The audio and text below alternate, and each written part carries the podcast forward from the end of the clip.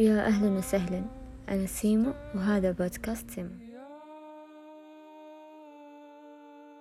إنهم لا يضايقونك بسببك بل يمارسون التنمر عليك بسبب طبيعتهم. التنمر وما أدراك ما مدى أثر الشخص من التنمر. للأسف في مجتمعنا العربي تعتبر نسبة جدا عالية لأشخاص تعرضوا للتنمر. التنمر يعتبر هدم للشخصية ممكن أن تصل للموت خاصة الأطفال. هدف جدا سهل بهدم شخصيتهم وثقتهم وانعدام حبهم في كل شيء. خلونا نرجع للمقولة اللي قلتها في بداية الحلقة إنهم لا يضايقونك بسببك إنما يمارسونها عليك بسبب طبيعتهم. بمعنى ماذا؟ بمعنى أنه المتنمر ما وصل لمرحلة بأنه يأذي شخص آخر إلا بسبب شيء واحد ألا وهو التربية وأساس التربية وكيف كانت حياته وهو على هذا المبدأ يكمل. إذا رأى شخص أحسن منه أو إنه معاه شيء كان هو يتمناه يبدأ يحس بالألم والتقليل من حقه. فهو بداخله يقول لماذا هذا الشخص أفضل مني؟ أو يجب أن يكون مثلي؟ ليس أعلى مني. وشيء من هذا القبيل. يبدأ يرى النقص الذي بداخله في شخص آخر ويتعدى عليه بالتنمر لكي يرى بأنهم أصبحوا متساويين بالأذى. ومع الوقت يبدأ يتمادى أكثر في أذية الشخص. عندما يراه متعة لتفريغ مشاعره ونقصه. للأسف الأهل لهم دور أساسي في وجود المتنمرين. هذا شيء لا يحتاج التفكير به. واللي يضايق أكثر إن في أولياء أمور يشجعون أولادهم على هذا الفعل السيء. بمعنى إنه بهذه الطريقة راح يزيد في نشره للأذى أو التنمر بشكل أصح.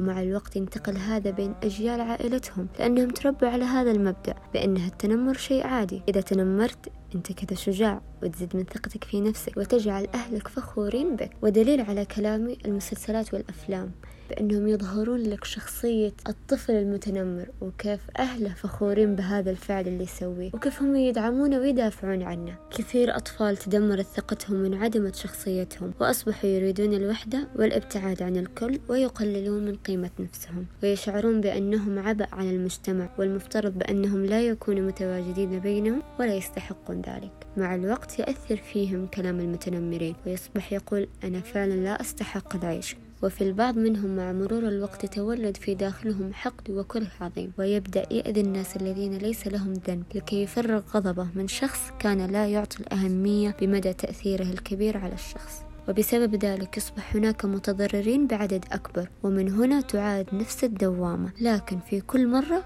يكبر عددهم. أنا قبل قليل كنت أتكلم عن معنى التنمر وتأثيره السيء على مجتمعنا. لكن مثل ما أقول دائما وأكرر وأعيد في هذا الكلام فإنه كل شيء له جانب إيجابي وسلبي. هذا شيء يجب علينا استيعابه. كيف ممكن يكون التنمر له جانب إيجابي؟ أوضحها لكم بمثال. أنا من الأشخاص اللي مررت بفترة جدا طويلة تعرضت فيها للتنمر والأذى. وما شاء الله عرفت أحول هالشيء السلبي إلى نقطة تحول لي من شخصيتي وأفكاري وثقتي بنفسي. فأكيد أنتم راح تعرفون كيف ممكن الشخص يجتاز الأذى بشخصية أخرى أقوى وأفضل بكثير بإذن الله. في عدة نقاط لازم تتبعها عشان تتغير للأحسن أولا يجب أن تفهم أثر حزنك وأذاك من المتنمر. لا يزول راح يبقى منك وفيك في زاوية مظلمة بعيدة كل البعد عنك ولن تعيره الاهتمام بداخلك ولن يصبح يؤثر فيك مثل قبل. بالعكس إذا عرفت تستغله بالطريقة الصح راح تعرف تخليه مصدر قوتك ليس ضعفك. من هنا ستتغير شخصيتك إلى شخصية أخرى تماما مجرد ما تعرف تستغل هذا الأذى بالشكل الصحيح. ثانيا يجب عليك تقبل ضعفك الذي وصلت إليه وأنت مجبر أن تعبر عن ضعفك وتعترف فيه عشان تقدر تتخطى. التقبل دوره جدا كبير في تخطي أي مشكلة كانت فيك مع الوقت تقبلك سواء كان لضعف شخصيتك أو ثقتك أو لأذى المتنمر راح تستوعب أن هذا كله وهم. كيف وهم؟ من البداية الأشياء السيئة التي انقالت لك فقط لأنك كنت حاب تكون مختلف عنهم بطريقتك سواء في جسمك أو شكلك أو ذوقك أيا يكن اللي فيك. ما كانت موجودة ولا كانت سيئة.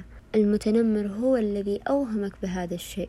وأنت عززت لنفسك من داخل أو نقدر نقول لعقلك الباطني بأن هذا الشيء فيه. طيب إذا كان في شكلي أو جسمي مثلا كان عيب خلقي كيف راح يكون وهم إذا فعلا كان بشع فيني؟ معلومة الكل يعرفها لكن من يدركها قليل جدا. ألا وهو أن الله عز وجل خلق كل شخص وله جماله الخاص وما في أحد كامل بمعايير الجمال.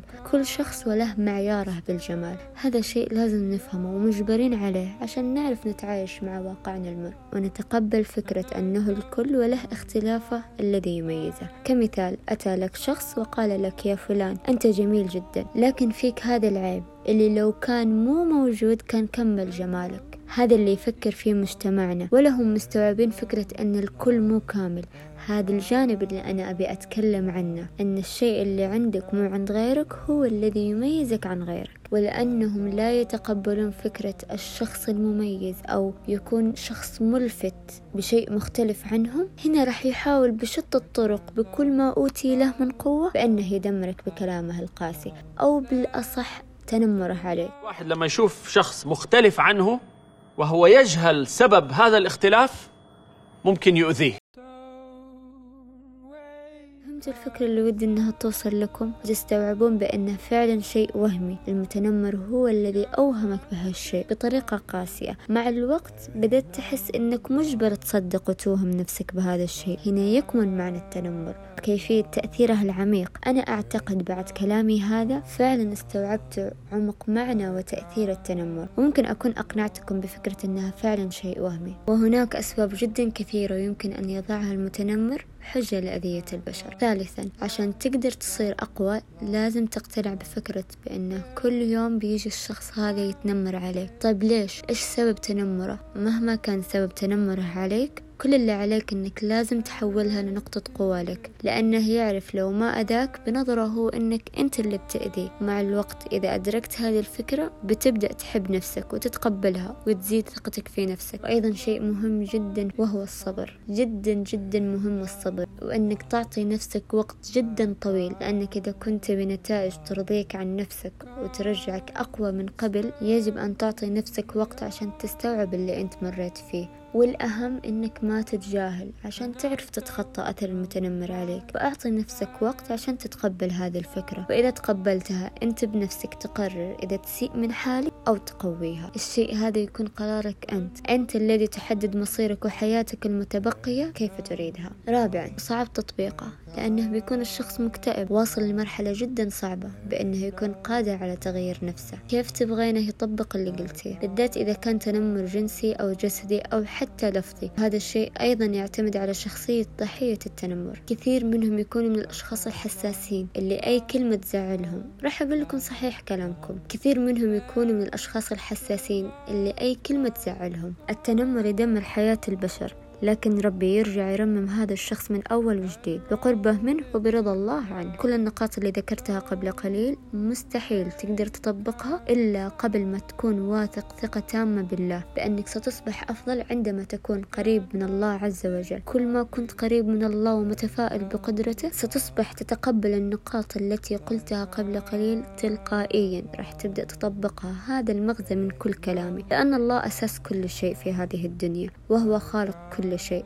فمستحيل تنتقل لخطوة جديدة أو تصبح أفضل للشيء الذي أنت تطمح له بدون ما تكون عابدا لله شاكرا له على كل شيء ودعوة منك ممكن أن تغير كل مصيرك. فعظمة الله وقدرته هي التي قادرة على هذا كله. ما راح تقدر تتخطى المواقف اللي كانت صعبة عليك وأثرت فيك بسبب التنمر إلا بقربك من الله. أنا تكلمت عن الشخص اللي يتلقى الأذى والتنمر. طيب خلونا نتكلم الحين عن المتنمر نفسه. وليش وصل لهذه المرحلة؟ وكيف أصبحت شخصيته بهالسوء وكيف أصبحت متعته تكمن بالتنمر على الآخرين؟ لو جيت تكلمت بنظرة المتنمر فراح يقول أنا أرى المتعة في أذيتي بالآخرين. أو ممكن يكون من الأشخاص الذين لهم سلطة اجتماعية كبيرة فيرى بعضهم أنه من حقه هالشيء وهذا غلط أكيد أو ممكن يكون نقص اهتمام وتربية من الأهل. فيبدأ يطلع كل عقدة وكتمان كراهيته وغضبه من هذا الشيء في أشخاص ليس لهم ذنب بعض الناس اللي يتعرضوا للتنمر بينتحروا والعياذ بالله. بعضهم يحطوا غضبهم في أطفال آخرين. بعضهم لما يكبر يحط غضبه في أولاده وفي أهله. فلا تعتقدوا أن التنمر لما يحصل الأطفال إن لم يتم علاجه سينتهي. فيرى فعلا أن هالشيء من حقه إذا بيخفف من ألمه مثل مقولة قرأتها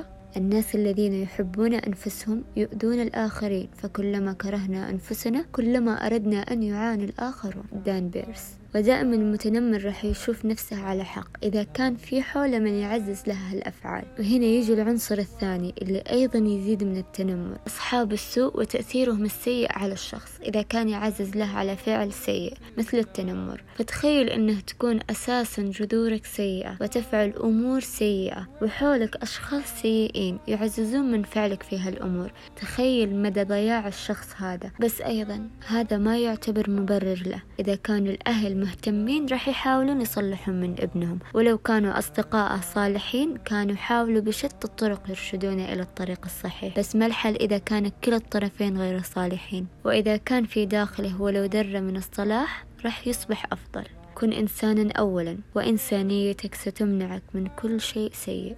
إلى اللقاء.